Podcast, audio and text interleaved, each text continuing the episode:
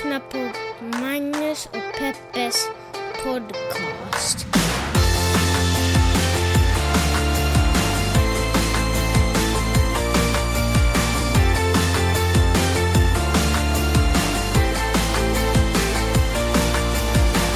Hallå internet och hjärtligt välkomna hoppas jag att ni känner er till podcasten som heter Magnus och Peppes podcast. Jag har ju sån otrolig rutin på att säga det där. Kan inte du testa att säga det? Precis så som jag brukar säga det. Hallå internet och hjärtligt välkomna ska ni vara till podcasten som heter Magnus och Peppes podcast. Den här podcasten är en podd där vi ser på, ja men bla bla bla bla. Nej, inte alls bla bla bla. Det var ju nu du kom till det väsentliga, nämligen att vi tittar på de stora och de små händelserna i världen och vi gör det ur ett journalistiskt, feministiskt och Och mycket granskande perspektiv. perspektiv. Eh, med mig har jag min co-host Jeanette Marie Öhman och här också idag featuring Miley som vägrade sova när vi skulle spela in podden. Eh, och jag heter ju Magnus Silvenius Öhman. Jag är, ju- man kan säga om, om ni vill liksom få någon form av feeling för vilka karaktärer vi har så kan man säga att jag är hjärnan och du är the comic relief. Stämmer det det? kunde man lätt säga, Magnus. är du redo att kicka igång den här, Yes. den här timmen med underhållning och humor och viktiga saker?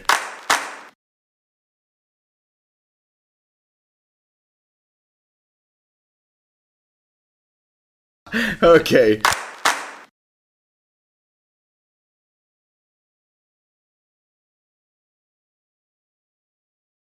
I Sverige där man med en beskrivning av vad man ska göra ifall det blir knas, krig eller krissituation eller något sånt.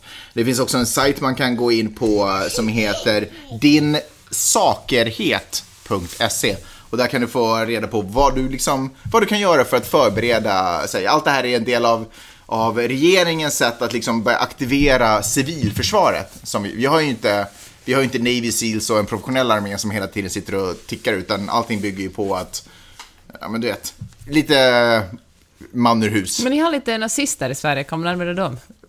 För de, de är extra aggressiva. Som ett husmorstrick liksom. Vad Vadå, som, typ som vakthundar på något sätt? Ja. Eller är de extra lämpade för eh, krig? Om liksom? ryssen kommer kanske man bara släpper dem mot Släpper fronten. Ja, vilket fall som helst. Eh, I, I Tyskland redan, det här är ju inte bara Sverige som ägnar sig åt det här, i Tyskland redan så har befolkningen uppmanats, jag tror till och med det var förra året någonting, att lite bunkra med vatten och sådana saker. Vet de någonting som vi inte vet? Vad är det som händer? Det här är ju saker som... intressant faktiskt. Är Det det, här är liksom, är det saker- kalla kriget igen? Ja, för precis. För senaste gången som den här pamfletten gick ut var ju typ på 60-talet när kalla kriget liksom Pågick. pågick. Eh, och då var ju alla superrädda för ryssen. Men det verkar som att folk, är, det verkar som att vi är lite rädda för ryssen igen. Och kanske, alltså inte, inte helt, inte helt obefogat som vi säger så. Dels så har ju ryssen visat sig eh, kapabel att kliva in i eh, suveräna stater som Ukraina. Bara ta över och, och skylla på att det var en befrielserörelse från, det kan, jag menar, det kan de göra i Sverige också. Att det är någon form av befrielserörelse, det är därför de kliver in i Sverige. Att svenskarna egentligen ville tillhöra den ryska stormakten. Men kan det också handla om att Europa håller på att splittras lite? Jag menar, Ja, men precis. Brexit och nu den här Exakt. högerextrema regeringen i Italien, kommer de att gå ur Exakt. EU? Ja, Det här lilla fredsprojektet som vi kallar EU håller på att krackelera i kanterna. för det, för det är ju anmärkningsvärt att det har varit liksom, det har inte känts som att det funnits något behov av det här tidigare. Nu, du vet, i Finland har vi alltid varit lite ängsliga Ni har ju alltid varit nojiga, men ni har aldrig ändå varit så, jag, har inte, jag känner inte en finländare som har bunkrat upp med vatten och konserver. Som vi uppmanas att göra nu. Vi uppmanas att göra det på grund av jordbävningen. Ja, här i, inte i Finland, utan här i Kalifornien. Ja, men, Men hur ska man förbereda sig på kriget då? Precis Nej, som man precis förbereder sig inför en ja, jordbävning. Mm. krig är ungefär som en jordbävning. Kan man, verkar som. Alltså man ska ha konserver. Och sen så är det ju också det här hotet om att, eh, jag menar de har ju visat sig kapabla att använda IT. Ryssarna. Ja, den senaste tekniken Mm. Påverka för att påverka val. demokratiska processer och sådana saker. Och eh, folk är också nojiga för att eh, de skulle använda det för att slå ut till exempel Ja, men du vet, vi har ju inga kontanter i Sverige till exempel. Så slut, om vi slår ut Mm. eh, hela den mackapären så då går ju ingen omkring med cash längre och ingen kan köpa saker. Så det är ju också en inte så hemskt lyckad situation. Det är otroligt dåligt för bland annat dig och mig, Magnus. Varför då? För att, no, i och för sig bor vi just nu i USA, Det super- så det är ju eller jag menar, bra. det är inte kul. Men, eh, men alltså, när apokalypsen kommer så kommer ju du och jag att vara helt onödiga. Hur, hur tänker du då? Men alltså, vi kan inte bygga någonting, vi kan inte jaga någonting, vi kan inte... Alltså, vi kommer att vara så här narrar som går omkring Det kommer dessutom vara ganska historier. tråkig narr. Jag kommer att vara otroligt- jag bara säger, kan vi tala om eh, kan vi tala om rasfrågor? Folk bara, nej, försöker överleva. Ja, men ändå, varför överlever de på det sättet där borta? Det måste vara strukturerna.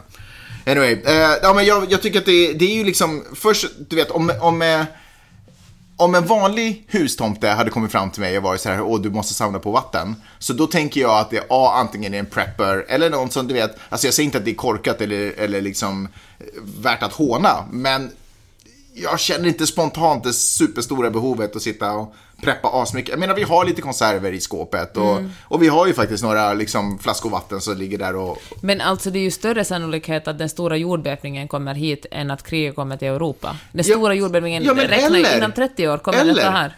Eller? För, för vad är upp med alla förberedelser som regeringen runt omkring i Europa vill helt plötsligt vill pressa på människor? Jag tycker faktiskt att det är lite obehagligt. När det kommer från officiellt håll, så då, då är det ju lite, då är det ju lite mer på riktigt liksom. Hur har Sverige re- reagerat på det här då? Jag vet inte, jag lyssnade bara på, jag, jag har ju faktiskt sett förvånansvärt lite om det här i tidningarna. Men, eh, men det kan En också... konspiration. Det kan, nej, men det kan bero på att jag inte läst de tidningarna så noggrant. Eh, Men jag lyssnade på uh, Lille Lördag, som det senaste avsnittet som kom ut. eh, Jag lyssnade på det för att jag klippte det, bland annat. Eh, Och då, Anita kände lite samma sak, att hon var ganska skärrad över det här, samtidigt som eh, Ann Söderlund är så här, ah! liksom, jag läser det. Du vet, ungefär, Putin är säkert trevlig han med, ungefär den stilen. Eh, men jag, jag ville bara dela, jag tycker att det är väldigt, det är ju underligt det som händer. Det är ju, det är ju någonting som sitter och puttrar i Europa. Det här känns ju, alltså, jag vet inte hur det var 1920 eller 1911. Men det känns ju som, det är någonting som, det är någonting som puttrar som inte är så bra. Vad hände 1920? Nej men jag menar bara förkrigstider, alltså innan, eh, Mm. du vet det var dålig stämning, det var fattigt, det var eländigt, folk var missnöjda, folk var arga, det är lätt att börja peka på Men vad ska vi göra då? scapegoats och sådana saker. Ja men inte fan vet jag, man får väl bara hålla huvudet Samla kallt. på sig vatten? Hålla huvudet, ja, vad ska, ja, ja du menar vad, vad man ska göra om kriget kommer? Nej, jag menar, nej, alltså jag skojar det där, men Ja. alltså det ska man väl göra, men, men vad ska vi, hur kan man hindra ett krig Nej men då? vet du så här. Det här tror jag är otroligt eh, viktigt. Jag, bruk, jag bruk, så här tänker jag att jag, jag ser ju mig själv till exempel som en, nu höll jag på att säga antirasist, för vänta, är det rätt att... Alltså jag ser mig själv som öppen och liberal och, och, och, och vill att så många människor som möjligt ska ha det bra på jorden. Eller egentligen vill jag ju naturligtvis att alla ska ha det bra på jorden, skitsamma. Eh, men jag tänker att sånt där är lätt att tycka och tänka att sådär du, alla lika, ingen olika ungefär. Sånt är lätt att tänka så länge allting går bra, så länge alla får pengar, så länge alla har jobb och sådär. Men sen när det börjar bli dystra tider, det är då man börjar sättas på prov. Det är lite samma sak som att det är lätt att gå och träna när man känner sig stark och härlig och man känner att idag ska jag göra det stora lyftet eller något liknande. Men det är jobbigt att gå och träna när man har en så här lite dålig dag och jag vet inte, mamma skällt ut en för någonting och chefen är ett asshole och jag fick ett, blev av med ett projekt. Då är det liksom inte lika roligt att gå och träna, men det är då man sätts på prov. Vem är du? Vad är din karaktär? Så det jag tycker är, sen när det är bis- det man kan göra, är åtminstone inte falla in i de här äh, Bli supernationalistisk Nej, men- Eller svepas med i de här vindarna som blåser och som tydligen är jäkligt seglivade. Jag trodde faktiskt att vi var lite på väg ut ur dem. Men nu glider ju Italien in och beter sig som assholes också. Och jag känner att det är så otroligt lätt att falla in i det här att Ja, ja, men nu måste vi nog kanske lite mer tänka på oss själva. Nej, men det är nu vi inte ska tänka på oss själva. Nu är det ännu viktigare att vara och, öppen och, och försöka förstå andra, sätta sig in i andra människors situation. Därför att allt är ju bullshit när alla mår bra. Det är ju liksom när folk behöver, på riktigt behöver hjälp, inklusive en själv, som man måste öppna sitt hjärta. Det är då man sätts på prov som människa. Så det tycker jag. Så istället för att hålla på och samla på burkar och konserver och vatten, så försök liksom foka på att öppna upp hjärta och hem för andra människor. Så fint, Magnus. Tack.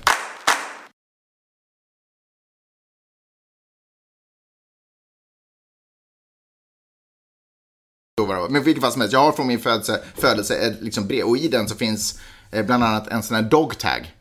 Sådär som eh, militärsoldater har. Är det sant? Eh, soldater har när de går ut i krig så att om man blir skjuten liksom, i där så kan polaren knäcka av den där dogtaggen och så, så vet man vilka som har avlidit liksom, under krigen så kan de ta hem den. Eh, och och sån, fick, sån, sån har man ju typ fötts med på 70-talet. Jag- Inte jag. Ja, det är underligt att ni inte hade det. Ni var ju ännu närmare. Men det var liksom, sånt fick alla ungar som föddes på 70-talet. Jag har fortfarande kvar det. Men det är ju, sånt slutar man ju ge sen efter ett tag. Så, ny, Nya barn har inte fått dem. Jag vet inte när de slutar med det. Men det är bara så intressant hur tiderna går upp och ner. Ganska, de kommer säkert börja leverera såna igen. Ja, vilket- vilket fall som helst. Peppe, vad ska vi snacka om? Vi ska snacka om att eh, Finlands utrikesminister Timo Soini åkte till Kanada och gick på en gudstjänst slash mars, marsch mot abort. En eh, så att säga... Mm. Men det var väl bra att han visar var han står? Ja, fast eh, folk har kritiserat... Okej, så tycker jag. Folk har kritiserat honom för att han åkte dit och gick in här. Det här var lite i samband med att Irland röstade för en friare abortlagstiftning. Och, eh, och så åkte han dit på arbetsresa till Kanada och så passade han på att, att eh, demonstrera för, eh, ja men mot abort. Mot kvinnors rätt till sina egna kroppar om man ska vara, säga det krasst. Ja. Och, och då kritiserades han på många håll på sociala medier för att dit åker han med skattebetalarnas pengar och, eh, och marscherar för en sån här sak som inte passar in i, i Finland.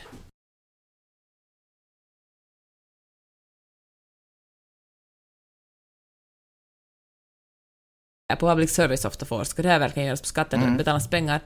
Det är en väldigt eh, grund och en ganska, man är ganska lat om man använder det som argument. Va, hur då, varför då? Hur menar du? Jag tänker så att det, kommer, det är väldigt lätt att säga så att ska det här verkligen ske på skattebetalarnas pengar, att man gör det till en ekonomisk fråga, att man tycker att budgeten borde på något sätt eh, delas på ett annat sätt, eller, och att eh, man inte vill att eh, en surt förvärvade skattepengar ska gå till ett sånt här syfte. Men tycker jag då ska man tänka lite vidare och fundera på att varför vill jag inte det?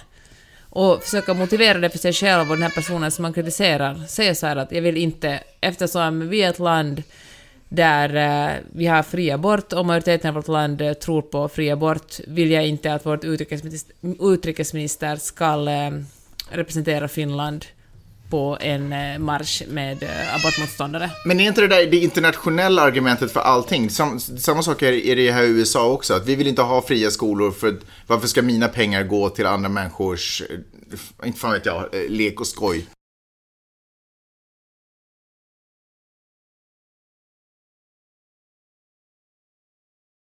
är det här. Är det för att du till exempel tycker att ett land ska ha fri abort och att vår utrikesminister inte ska, ska åka någonstans och gå i en marsch där man är emot det som vårt land står för? Eller vad fan som helst. Och, eh, för jag tror det är viktigt att man ibland, pom eller man riktigt ibland funderar över sina egna tankar och åsikter och, och liksom använder sin röst för att förklara varför man tycker en hel sak. Man är jävligt lat om man bara säger skattebetalarnas pengar. Det är liksom ett... Ja, det är ett jävligt uselt argument. Jag håller faktiskt med dig. Det är så otroligt mycket som hela tiden liksom... Ah, det är som att allting ska värderas och mätas i, eh, i pengar. Ören, kronor, cent och dollar. Det är liksom, vad händer med moraliska aspekter? Vad händer med e-, etiska? Vad händer med vision om hur, hur världen borde se ut? Och det är klart att, och det är därför det också framstår som så otroligt naiva, ja, men jag vill ha fred på jorden. Därför att ingen, alla ser kostnad på att det är helt omöjligt. Det finns mycket, för mycket ekonomiska krafter. Men om vi hela tiden håller på och tänker och försöker hela tiden översätta alla värden i kronor och ören och cent. Mm. Så då kommer vi ingenstans, för det kommer ju alltid liksom, grävas emot oss. För det finns, allting kostar ju. Liksom. Och jag håller helt med dig, att sitta och titta på eh, att, Timo Soy, att problemet med att Timo Soyuncu åkte dit, att det skulle vara att det Ett kostar monetärt. pengar. Alltså, men för det så går- jävla dyrt var säkert inte att flyga dit honom. Det, skulle, jag menar, det är ju inte, en, bud, det är inte en, liksom, en post i deras budget, när, regeringens budget. Det är väl snarare, vad, vad har det för konsekvenser att han åker dit? Vad säger det om oss som land? Det är väl liksom way mycket mer intressant att diskutera. Mm. Ja, men precis tycker jag. Åh, vad tråkigt, vi tycker exakt samma Ja. sak här. Men däremot så kan jag väl tycka också att jag tycker inte att det är konstigt att han åker dit. Han är ju inröstad i regeringen för att åka dit. Men vi behöver ju inte tycka alla precis som han, och därför tycker jag det är otroligt ännu viktigare att man vässar sina argument och går vidare från skattebetalarnas pengar. För om man säger så att jag tror inte på det här, då måste man formulera varför man Ja. inte tror på det, och nästa gång rösta på ett annat sätt. Exakt, det är ju mer det. Man kan inte sitta före ett val och vara så här, ja vi behöver någon som, eh, som rör om lite i grytan och sen sitta och klaga på kron, eller på euron och cent när han väl åker i, iväg och gör det han är röst, ditröstad för att göra. När vi talade om det här i bilen häromdagen när vi körde någonstans, sa du att, eh, så gjorde en anteckning där du sa så här, man ska rösta för, inte emot. Ja, för det är så otroligt mycket Alltså, man, så argumenterar ju åtminstone argumenterar den liberala sidan för att det är därför vi har Trump, det är därför vi har alla de här, de är proteströster. Det är liksom folk som röstar emot etablissemanget, det är därför vi har de här extrema rösterna som nu helt plötsligt får plats i regeringar och i maktpositioner runt omkring i världen. Och det kan vara hur det vill med den saken, men jag har hört det förut, att jag vill inte rösta, det finns ingen att rösta på, så jag röstar dit så att åtminstone inte de där mm. assholen får fortsätta. Och jag tycker att det är det är ett så okonstruktivt sätt att ta ansvar för sin och samhällets framtid. Att hålla på och rösta emot förslag snarare än att man formar positiva förslag som man... För det, det handlar ju om lättja. Det handlar om att alltså, om du inte tycker att det finns politiker där ute som har din röst, då måste du engagera dig. Ja, jag tror det är ett stort problem som Demokraterna faktiskt också har just nu, för de... Okay, Trump, Trump i sig är ju ett, en, en protest, delvis kanske. En ja, men kanske inte. Jag tror det är faktiskt så att en stor del av den övre medelklassen röstade på honom för att de var rädda för att förlora sina egna privilegier. Mm. De var rädda att folk som kommer från andra ställen och uh, kvinnor och andra skulle ta deras platser och det, de skulle vara tvungna att dela på sina skattepengar med dem. I alla fall. Men hela den Demokraternas strategi nu inför kongressvalet i höst har ju varit att säga jaha, Trump och Republikanerna tycker det här, vi tycker motsatsen. Mm. Trump och Republikanerna tycker så här om invandring, tycker så här om skattepolitik, tycker så här, vi tycker motsatsen. Mm. Istället för att driva sina egna frågor, som till exempel hälsovårdsreformen, som är någonting som faktiskt, det är liksom den, den, den enda fråga som intresserar folk mest i USA. Det är ju någonting otroligt konkret att ha rätten till hälsovård och hur mycket ska man betala för det? tusen dollar i månaden för att... Eh, inte få någonting egentligen. Nej men precis, man får ju väl. Ofta betalar man ju ännu mer när ja. olyckan är framme. Men, eh, men Demokraternas problem är ju också det att de inte har en tydlig ledare eller en tydlig plan. De glider ju verkligen omkring och, och jag förstår att det enklaste är ju att ta fasta på någonting annat och istället för att göra en egen plan, berätta sin egen historia, så är man emot någon annans. Man, mm. man liksom profilerar sig själv genom att inte vara som någon annan. Ja det här systemet är ju otroligt korrupt och helt upp och ner. Alltså man, kan inte, man ska inte inbilla sig heller att Demokraterna är liksom the good guys på något sätt också. De är ju också en del av ett etablissemang. Nu framstår de ju så otroligt mycket bättre alternativ liksom gentemot en extrem typ som Trump. Men, ja, men jämfört med en bajshög så är det mesta ja, ganska men exakt. Charmigt. Men helt ärligt, när det, när det höll på att bolla mellan om det var någon Bush som skulle sitta eller om det var någon Clinton som skulle sitta, ganska långsamma skrot och korn. De har alla dragit igång sina krig, de har, andra, de har alla spenderat skatte, eh, skattepengarna på att bygga upp arméer istället för att sätta folk i skola och, och bygga upp hälsovård. Så att det där med hälsovård har ju inte funnits här på decennier, så det är ju inte liksom, det är inte någonting som no i Obamas, Jag säger inte att Obama var någon slags helgon, men i hans försvar försökte han verkligen reformera och ge en... Ja, jag, sen jag tror att han republikanerna... Han, han var, det var in, av, all, av alla presidenter jag har fått leva igenom så var han säkert inte en av de sämsta. Men han framstår ju nu också lite som en eh, förlorad Messias därför att vi mm. fortfarande, mm. för att helt plötsligt så var det någon som bara bajsade i Vita huset och stängde dörren och sa att du bestämmer. Och nu sitter vi alla med lukten. Ungefär så. Eh, det här knyter ju, alltså jag tycker att det här är precis, det här med att hålla på och rösta emot eller hålla på, ja men det här är öron och cent. Jag tycker att alla de där är liksom just effekter av att nu är det lite dåligare tider, det blåser lite kärvare vindar, så då börjar man tänka hemåt. Vad är det här för mig? Jag är sur på det här, inte för att det är en fucked up grej att tycka och tänka och göra, utan för att det kostar mig några ören. Och återigen tycker jag att det är bara nu om någonsin ställer det så otroligt höga krav på att vi öppnar våra sinnen, vi öppnar våra hjärtan, vi gör positiva saker. Och det måste vara slut med det där att positivt tänkande är liksom kopplat med naivitet. Man kan, det, det är ju för tusan otroligt, det är ju konstruktivt att försöka se, hitta lösningar, positiva vägar att gå, istället för att bara hålla på och stänga dörrar, låsa, sätta på regler, backa hem och titta hur vi ska göra. Det är ingen Titta i sporten, det är ingen som vinner en match genom att backa hemåt. Det är ju bara framåt så vi kan röra oss för att få saker och ting att hända. Så fucking släpp pengatänket och börja fokusera lite på visioner. Eller vad säger du? Bra Magnus. Ja.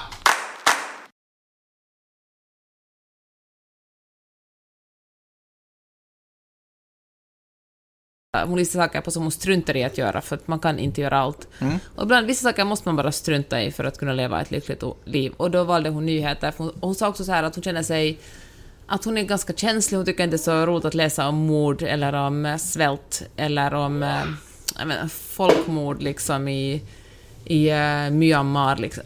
Ska, man ska säga Myanmar nu för tiden istället för Burma, sa språkvetaren på Hufvudstadsbladet. Ja, så sägs det väl. Jag försöker att eh, låta det vara osagt om jag inte verkligen måste prata om det. I alla fall. Och eh, då skrev jag en grej på min blogg, så de som läser bloggen får nu det här dubbelt. Men eh, så här resonerar jag, man måste inte... Liksom det är värdelöst att eh, lyssna på nyheter, som det alltså, detta har hänt, ifall man inte har någon bakgrundskunskap. Det är liksom helt irrelevant hur många människor som har dödats här, eller eh, vilken mord som skedde där, eller vilken kändis som gjort så här, eller varför ett visst parti blev inröstat i i, i regeringen i Italien om man inte förstår, eh, och inte förstår helheten. Och då tycker jag att, fan, bra, skippa nyheter. Om det känns sådär att, om, om man känner att det är för mycket, jag orkar inte, jag har liksom inte tid, jag vill prioritera annat, skippa nyheter.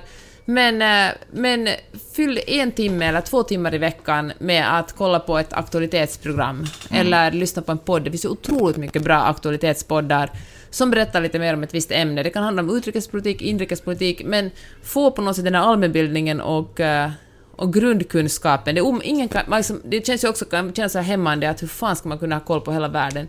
Ingen har koll på det, ingen kan veta allt. Men man kan ju alltid börja någonstans. Försök förstå och bestämma sig. Nu, nu är jag intresserad av egentligen hur det amerikanska, det borde jag faktiskt hålla koll på för jag tycker det är så otroligt komplicerat, hur det amerikanska politiska systemet fungerar med kongressen och husen och liksom eh, olika, vem som väljs in när och de olika staterna. Så sätter man sig in i det och plötsligt blir alla nyheter som har med just med det här eh, temat att göra helt begripliga. Då, liksom, då bygger man, det är som att sätta grunden, förlåt den här otroligt naiva eh, metaforen, men sätta grunden till ett hus. Liksom, plötsligt om man förstår hur någonting fungerar, är det europeisk politik, är det inrikespolitik, är det bara liksom politiken på, eller historien på orten du bor på, så fort du kan den så faller alla nyheter, blir som en liten Tetris-spel, faller de in på precis rätt plats. Och eh, ja. Ja, men sen måste vi också prata om myter om att det, det enda som skrivs i tidningar är mord och eh, krig, för det stämmer inte. Så är det ju inte. Jag menar, de sortens rubriker, de dominerar möjligen i kvällspress, men kvällspressen har en helt annan agenda. De jobbar superaggressivt på att sälja lösnummer på vad de tror att människor kommer vara intresserade av. Precis, för man prenumererar inte på Ja. Aftonbladet eller Ilta-Sanomat. Exakt. Men om vi till exempel tittar på vad Svenska Dagbladet idag publicerar den 6 juni eh, så är det lö- bolånedörren stängd för en hel generation, tjänar för lite, har ingenting med krig att göra utan handlar om vad som händer i samhället.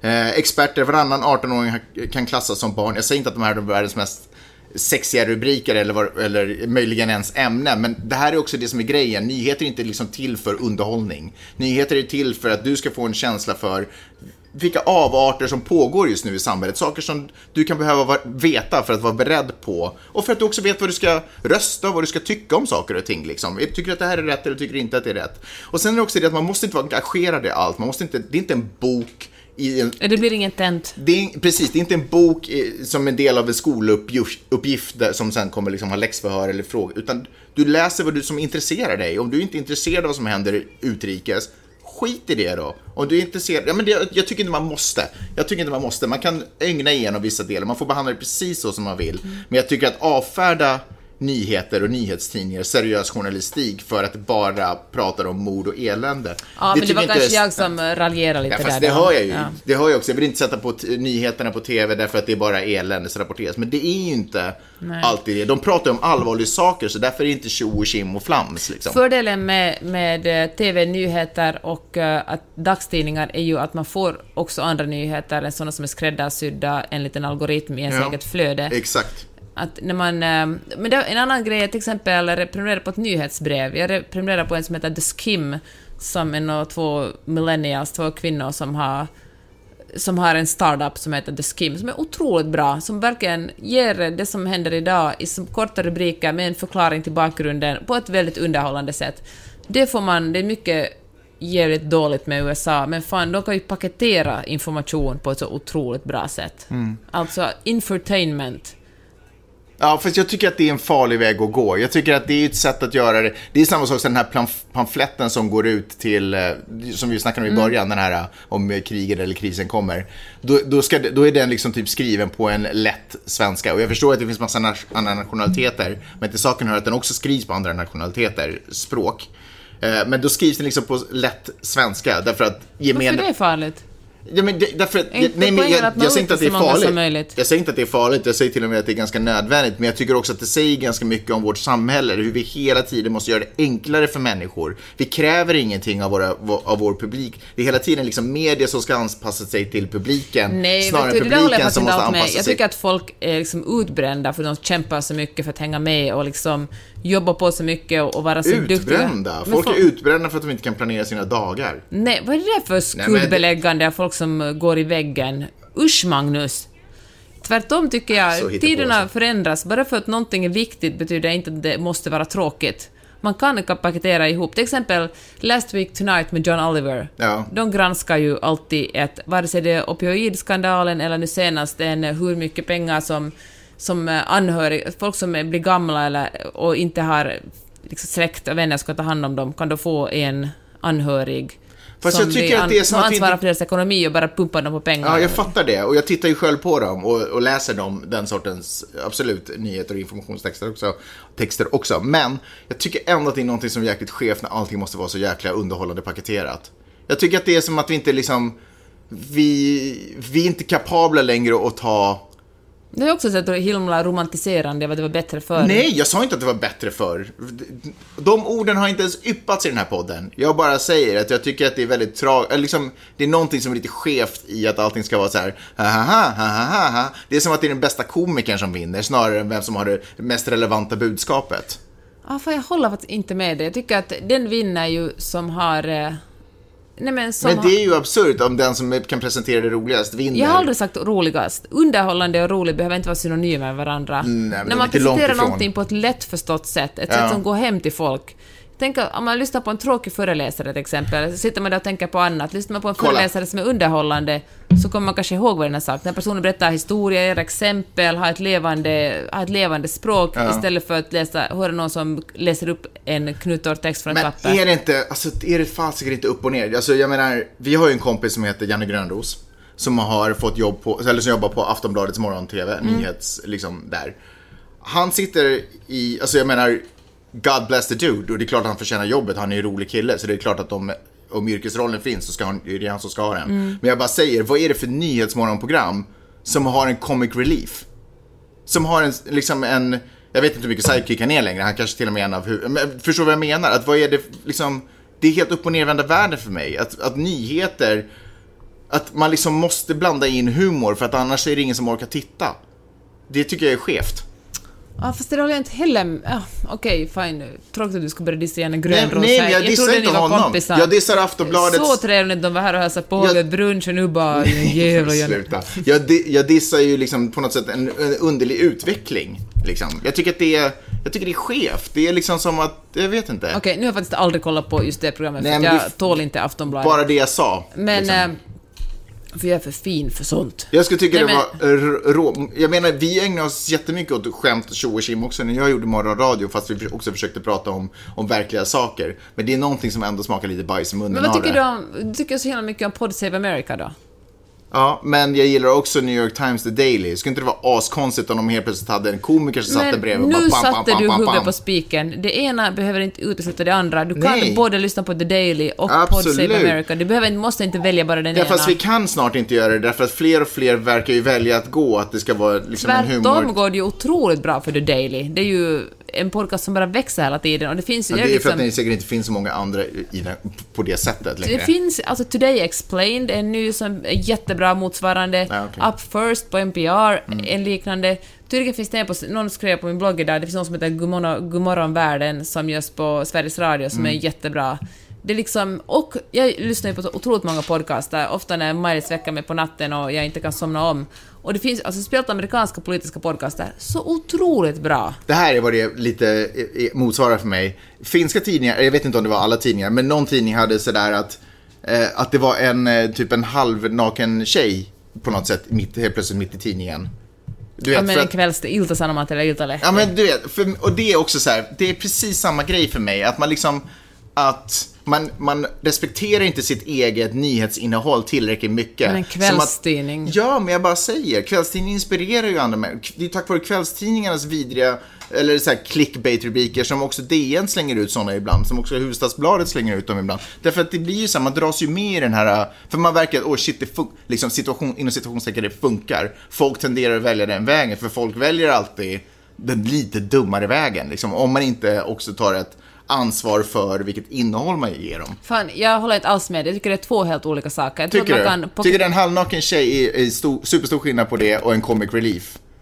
Nej, alltså, det som, som sagt snackar jag inte om någon comic relief, så jag tycker att man kan presentera nyheter och eh, reportage på ett underhållande och intressant sätt som faktiskt eh, samtidigt som man matar publiken med vettig information. Hej! Har du frågor och kommentarer så kan du mejla min mamma och pappa på Magnus och Peppe snabel A, gmail.com. Gör det!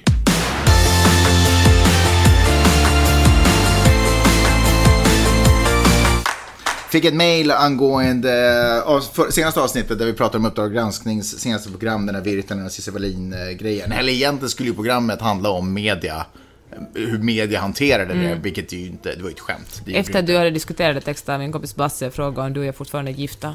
ja, ja, jag, jag, jag, jag tog en liten extremare hållning där. Men, eh, ja, skitsamma. Det, det kom in i alla fall. Eh, Anna, Anna skickade ett mejl till oss och skriver så här, jag skulle vilja börja med att tacka för en bra och givande podd.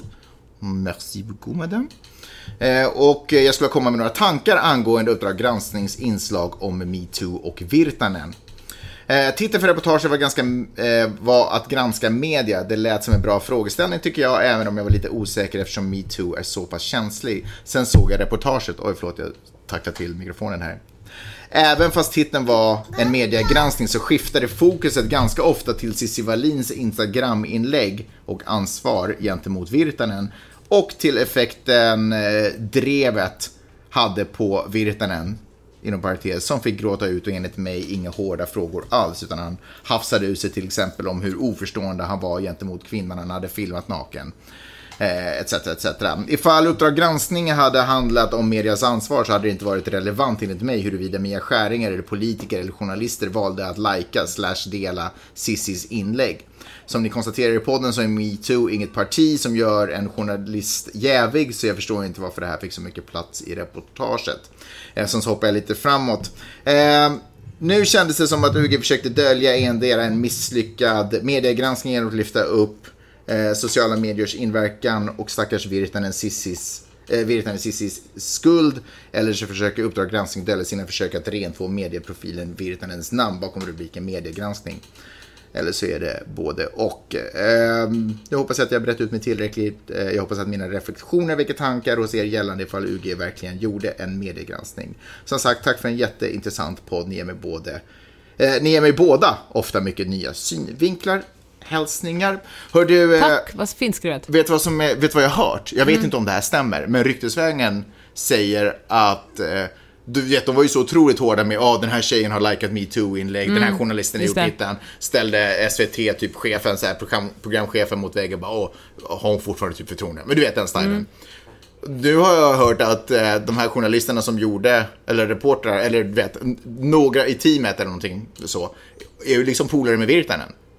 Så what the fuck? Det är ju liksom, man kan ju inte göra ett, alltså, om det stämmer så är det ju liksom, kom igen liksom. Glida där som är himla, ehm, vad heter det, moralens och etikens väktare om vem som är jävig och vem som inte är jävig. Så spelar man exakt, alltså det är ju bara, kom i, sänk skiten nu. Så Men det säger ju också sig. ganska mycket om hur litet Stockholms media, hur liten Stockholms medievärld är. Tänk dig om någon skulle, motsvarande skulle hända i Svensk-Finland. Ja, men, men, men sen också, så här, precis som du säger, det är, det är klart att alla känner alla. Men det kan väl inte vara utgångspunkten. Jag menar, om, om jag är polis så har jag ju fortfarande yrkesroll. Jag kan ju fortfarande ha råka visa sig vara kompis med folk som är kriminella. Men om jag, upp, om, jag måste ju fortfarande sköta min yrkesroll på något sätt. Det måste jag ju lita på som en, som en utomstående eller som en medborgare Men i som samhället. sagt är det ett rykte nu, så vi kan inte börja dra iväg på att Fair. snacka för mycket om det. Vi måste ju också hålla ett öga på oss själva i det här Fair fallet. enough. Jag vill bara säga, för att jag känner att det var ju förstås inte alls klart med tanke på vinkeln jag tog i förra avsnittet. Jag tycker, att, jag tycker att Uppdrag granskning totalt missade sitt mål. Eh, Men de, det kändes också som de är så, att, de, att sociala medier på något sätt hade gått förbi dem, att de inte men riktigt de- förstår. oh Ibland likar man ju så Programmet kändes så gammalt. Det kändes som att det var gjorda av 90-åringar. Alltså, de förstår ju uppenbarligen inte hur sociala medier fungerar när de la så otroligt mycket fokus på vem som har likat vad. Mm. Men det gjorde ju media också i Finland när man snackade om Akulouhimies. Ja. Där man, eh, man sa att den och den likade hans eh, tweet eller hans Facebook-sida. Really? Är Det- det, alltså- på riktigt? Det, Ingen fingertoppskänsla för vad det innebär. eller vad det innebär att vara journalist och granska någonting. Ja. Och sen också, Ah, hur, men jag säger förresten, Yle gjorde en otroligt bra granskning berätta. på A- Akulouhimies, men vi kan tala om det en annan gång. Och sen, eh, sen också deras, hur de, hur de presenterar metoo. Bara det faktum att de tar in någon eh, tjej som skulle vara någon koordinator för några metoo-upprop och på något sätt får henne att presentera, alltså de presenterar metoo som om det vore ett ja men som jag, som vi kanske sa det, som om det vore något partipolitiskt program, vilket är ju helt det är ju helt sjukt. Det är, ju- det är ju för det första inte en rörelse, det är ju ett upprop. Det är ju människor som äntligen känner att de vågar, styrkta av en gemenskap, vågar yttra och yppa sina berättelser. Liksom. För att vi alla andra ska få en klarhet över de Men övergrepp precis, som pågår. sådär, nu är det vi mot metoo. Det är så absurt. Ja, hon, har, hon har stött det här. Hon har stött jämställdhet. Alltså kan hon inte vara trovärdig som journalist i de här fråg- jämställdhetsfrågor. Man bara, men är du helt ute och cyklar? Kan man inte uttala sig om invandrarpolitik om man också har, har likat antirasistiska, antirasistiska Precis. poster på Instagram? Det är ju liksom, kom igen nu, lite öra mot marken när det kommer till samtiden där. Uppdrag, granskning. Jag skulle kalla det för uppdrag fjantsning. Snyggt, där satt den. Vilken mic drop på den här monologen.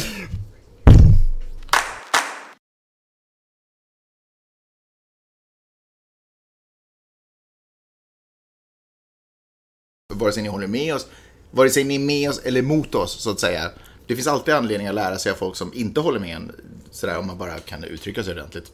Ehm, Magnus och Peppes podcast heter vi på Facebook, antar jag. Eh, och eh, Magnus och Peppes gmail.com är dit man mejlar. Och sen skulle jag också vilja passa på att vilja tacka alla som har betalat för den här podden. För det är ju inte en gratis podd på något sätt.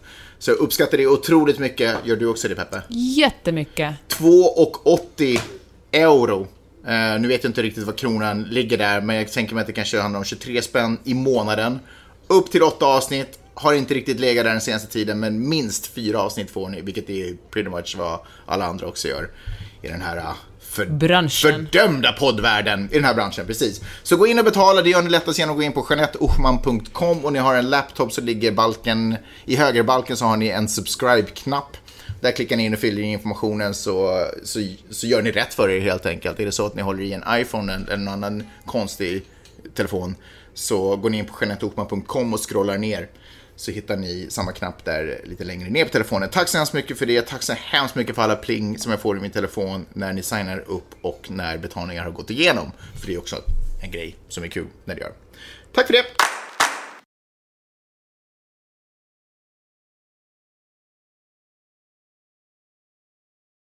Kippa sin bikini-del. Alltså hon kommer vara naken, eller? Ja, det tyckte jag också först. Men nej, hon kommer alltså inte att visa upp sig i underkläder eller bikinis. Alltså, aha. Och man... eh, Och så Vad säger Trump om det? Är det inte han som är chef för den där? Uh, jag vet inte om han har kommenterat det ännu faktiskt. Men uh, ABC går ut, ut en, en liten så här, på Instagram gick de ut med en, uh, först ser man bara en bikini och sen puff går den upp i rök och står det. det Miss America. 2.0. Ja, men precis. Och ehm, organisationens ledare Gretchen Carlsson meddelade på tisdagen att bikinirollen är förlegad och blir historia om man säger Men att... tävlingen som sådan känns superaktuell. Exakt. Exakt. Är inte det här nu ett sätt att använda metoo och feminism för att blåsa liv i en otroligt gammal Men och hörru- sunkig tävling? Även fast det är bajs så har de ju faktiskt nog sprayat den med deodorant. Den är, det är lite bättre än bajs. Eller förstår du vad jag menar? Fast bajs är ju alltid bajs också, det med men om vi säger så här. Från att ha varit liksom en, eh, en bakfyllekacka så är det nu mer bara en regular, ganska skötsam mage bajs. Att det är liksom, det är ju någonstans en, den kloggar inte toaletten. Okej, vi måste sluta använda bajs som metafor, det är otroligt äckligt. Ja, det var superäckligt. Det är ju hur litet du steget menar- än är. så är det ett steg i tar rätt jag, riktning. Jag tar hellre det steget än inte det steget. Fair enough. Men ska man verkligen belöna folk för att de gör någonting så Ja. pytte, pytte Ja, vet du, litet? precis som vi belönar eh, Miley och vidare för de små, precis som när man ska dressera hundar. De små, när de gör någonting rätt så då måste man genast vara där och belöna om man vill att det ska hända igen.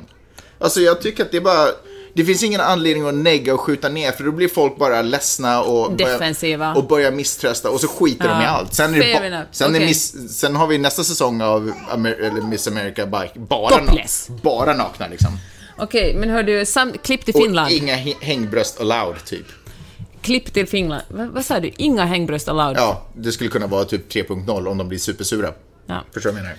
Uh, så här säger man i Finland, simdräkten, det är också så otroligt gulligt att man talar om simdräkten. Så Simdräkten... att ni inte ska förstå, missförstå vad man ska göra i den. Ja. Okej.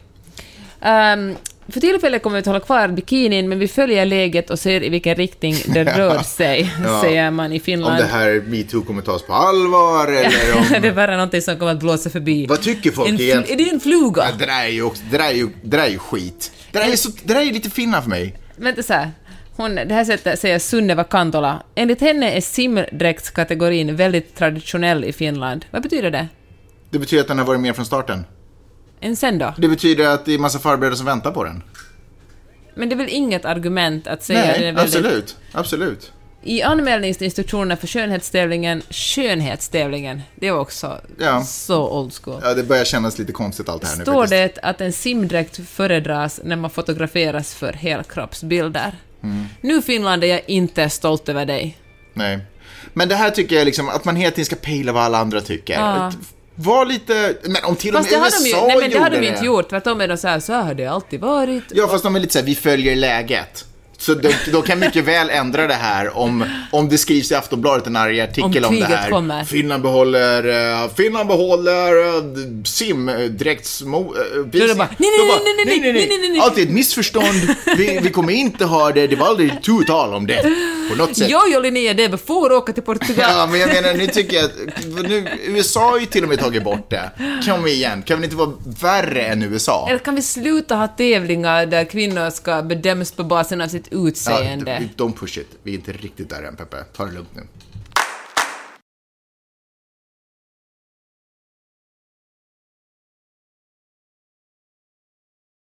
Kutym på sociala medier och framförallt Facebook.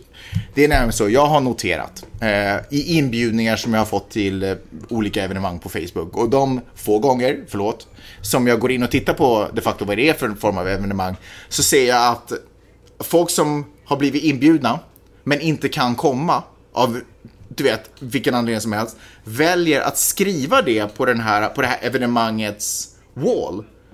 Och det är ju inte ett peptalk. Alltså det är inte... Men man gör ju det för att vara snäll och säga jag är tacksam för den inbjudan, men Precis. tyvärr, Jag fattar. Och det är ju kul att det händer saker. ingen vill ju höra ett tyvärr. Nej, det, och, men framför allt så vill man väl höra ett tyvärr kanske lite mer privat. Det kan man väl skicka ett privat meddelande om man känner att man känner den här eh, hosten så pass väl att man ändå måste förklara sig varför man inte dyker upp. Så då kan man väl göra det i ett privat meddelande. Det behöver man inte... Eller göra som vanliga människor, trycka på kanske. Ja, exakt. Alla vet att kanske är det artiga sättet att tacka nej till ett evenemang på. Förutom om jag möjligtvis har tryckt kanske någonstans. Det kan fortfarande gälla att jag fortfarande kommer. Men jag bara säger, jag tycker inte att det sprider en bra stämning på den här annars, som borde vara en så här ett ställe där folk som vill som, där folk sitter och funderar på om de ska vara med på det här evenemanget eller inte, så går de till den här sidan för att få lite mer information. Och det enda de ser uppröret är en massa människor som inte tänker komma. För att de, du vet, måste bygga torp i Jukkas Niemi. Till eh, att de bara, nej förlåt, faster avled. Jag tycker vi alltid ska ha så här Magdalena Ribbing-del i podden när du berättar om vett och etikett på sociala Nej men medier. är det inte superkonstigt att det liksom basunerar ut det för alla andra gäster? Ja. Alltså det, jag Men tycker... borde inte alla som kan komma då istället lägga upp en liten rolig GIF eller ett hurrarop? För vilken pepp ger inte det när man har startat ett evenemang och folk bara wow, jag ser fram emot det, det kommer bli grymt. För man måste ju förstå att det här är ju marknadsplatsen för, för, för själva evenemanget. Det är som att sätta, eh, spärra av ett område på ett festivalområde och så är det så här lite skyltar eh, och här kommer du vet, Depeche Mode uppträda. Oj, fräsch referens. Anyway, Depeche Mode kommer upp, uppträda på torsdag och alla går förbi bara, jag tänker inte gå. Skriver och sprayar dem på de här planscherna. Det här vill jag inte se. Det här går inte. Åh, vad kul det kommer bli för er. Själv tänker jag dra någon annanstans. Det är ju superkonstigt. Så jag tycker snarare vill man ha sådär, yay, fasken vad kul, det är party eller vad det nu tusan är. Åh, vad jag ser fram emot den här konstutställningen. Eh, Så, så när folk kommer in dit så blir de ju peppade och glada. Så sluta med det. Nu är det ju lite konstigt det här att jag säger det. För till saken hör. Att jag har ju själv nyligen lagt upp ett eh, evenemang. Eh, och och nu, nu råkade jag hade tänkt ta det här i podden ändå för jag har sett det på andra evenemang. Framförallt så kände jag extra mycket för det när det handlade om en födelsedagsfest som jag noterade. Men, men nu råkade det vara så att jag själv la upp ett, eh, ett litet evenemang och så var det ju faktiskt nu någon som gjorde exakt det. Eh, men jag vill bara att det är okej. Det är liksom fine. Jag, jag är inte arg. Jag bara tycker att eh, liksom, det, så jag, alltså, man, det, så där behöver man, det är fine. Du behöver inte förklara varför du inte kommer. Jag förstår, alla har ett liv. Det behöver man inte liksom, man behöver inte gnugga fast det. Så jag tog bort den. Eh, den kommentaren. För att behålla en positiv vibe på evenemanget. Och nu vet inte jag, nu vet inte jag om det är liksom en dubbel, eller så här, Det är väl lite oartigt ändå. är det det verkligen? Om någon går in sådär, fan vad synd att du inte kan komma. Men skriv Eh, något den här personen jag har då. viktigare saker Men vänta, för vänta, vänta. mig. DMar du den här personen? Nej, men den personen ger man ju inte mig heller. Den personen borde ju. Ja, ni hör ju hur ledsen man blir. Nej, men den personen borde ju egentligen... Alltså, det är fine, jag vill inte göra någon stor grej. För det, det här som vi pratar om nu handlar inte om det, den händelsen. Skitsamma. Äh, vad tycker ni? Alltså, ska man, ska man skriva på, på ett evenemangsmål om man inte kan komma? Vad betyder det egentligen? Jag tycker att det är råmysko. Hörni! Ska vi säga att Barnet är crankigt. Barnet börjar krisa ihop, eh, jag börjar bli svettig för att barnet krisar ihop. Så jag tycker att vi signar ihop. Nästa gång så spelar vi in det här så är vi i Sverige. Woho! Stockholm. Jag Stockholm kan, Magnus, 2018. tyvärr, jag kan inte komma. Kan inte komma? ja, tråkigt. Ja, dålig stämning. Vi hörs om en vecka. Hej då!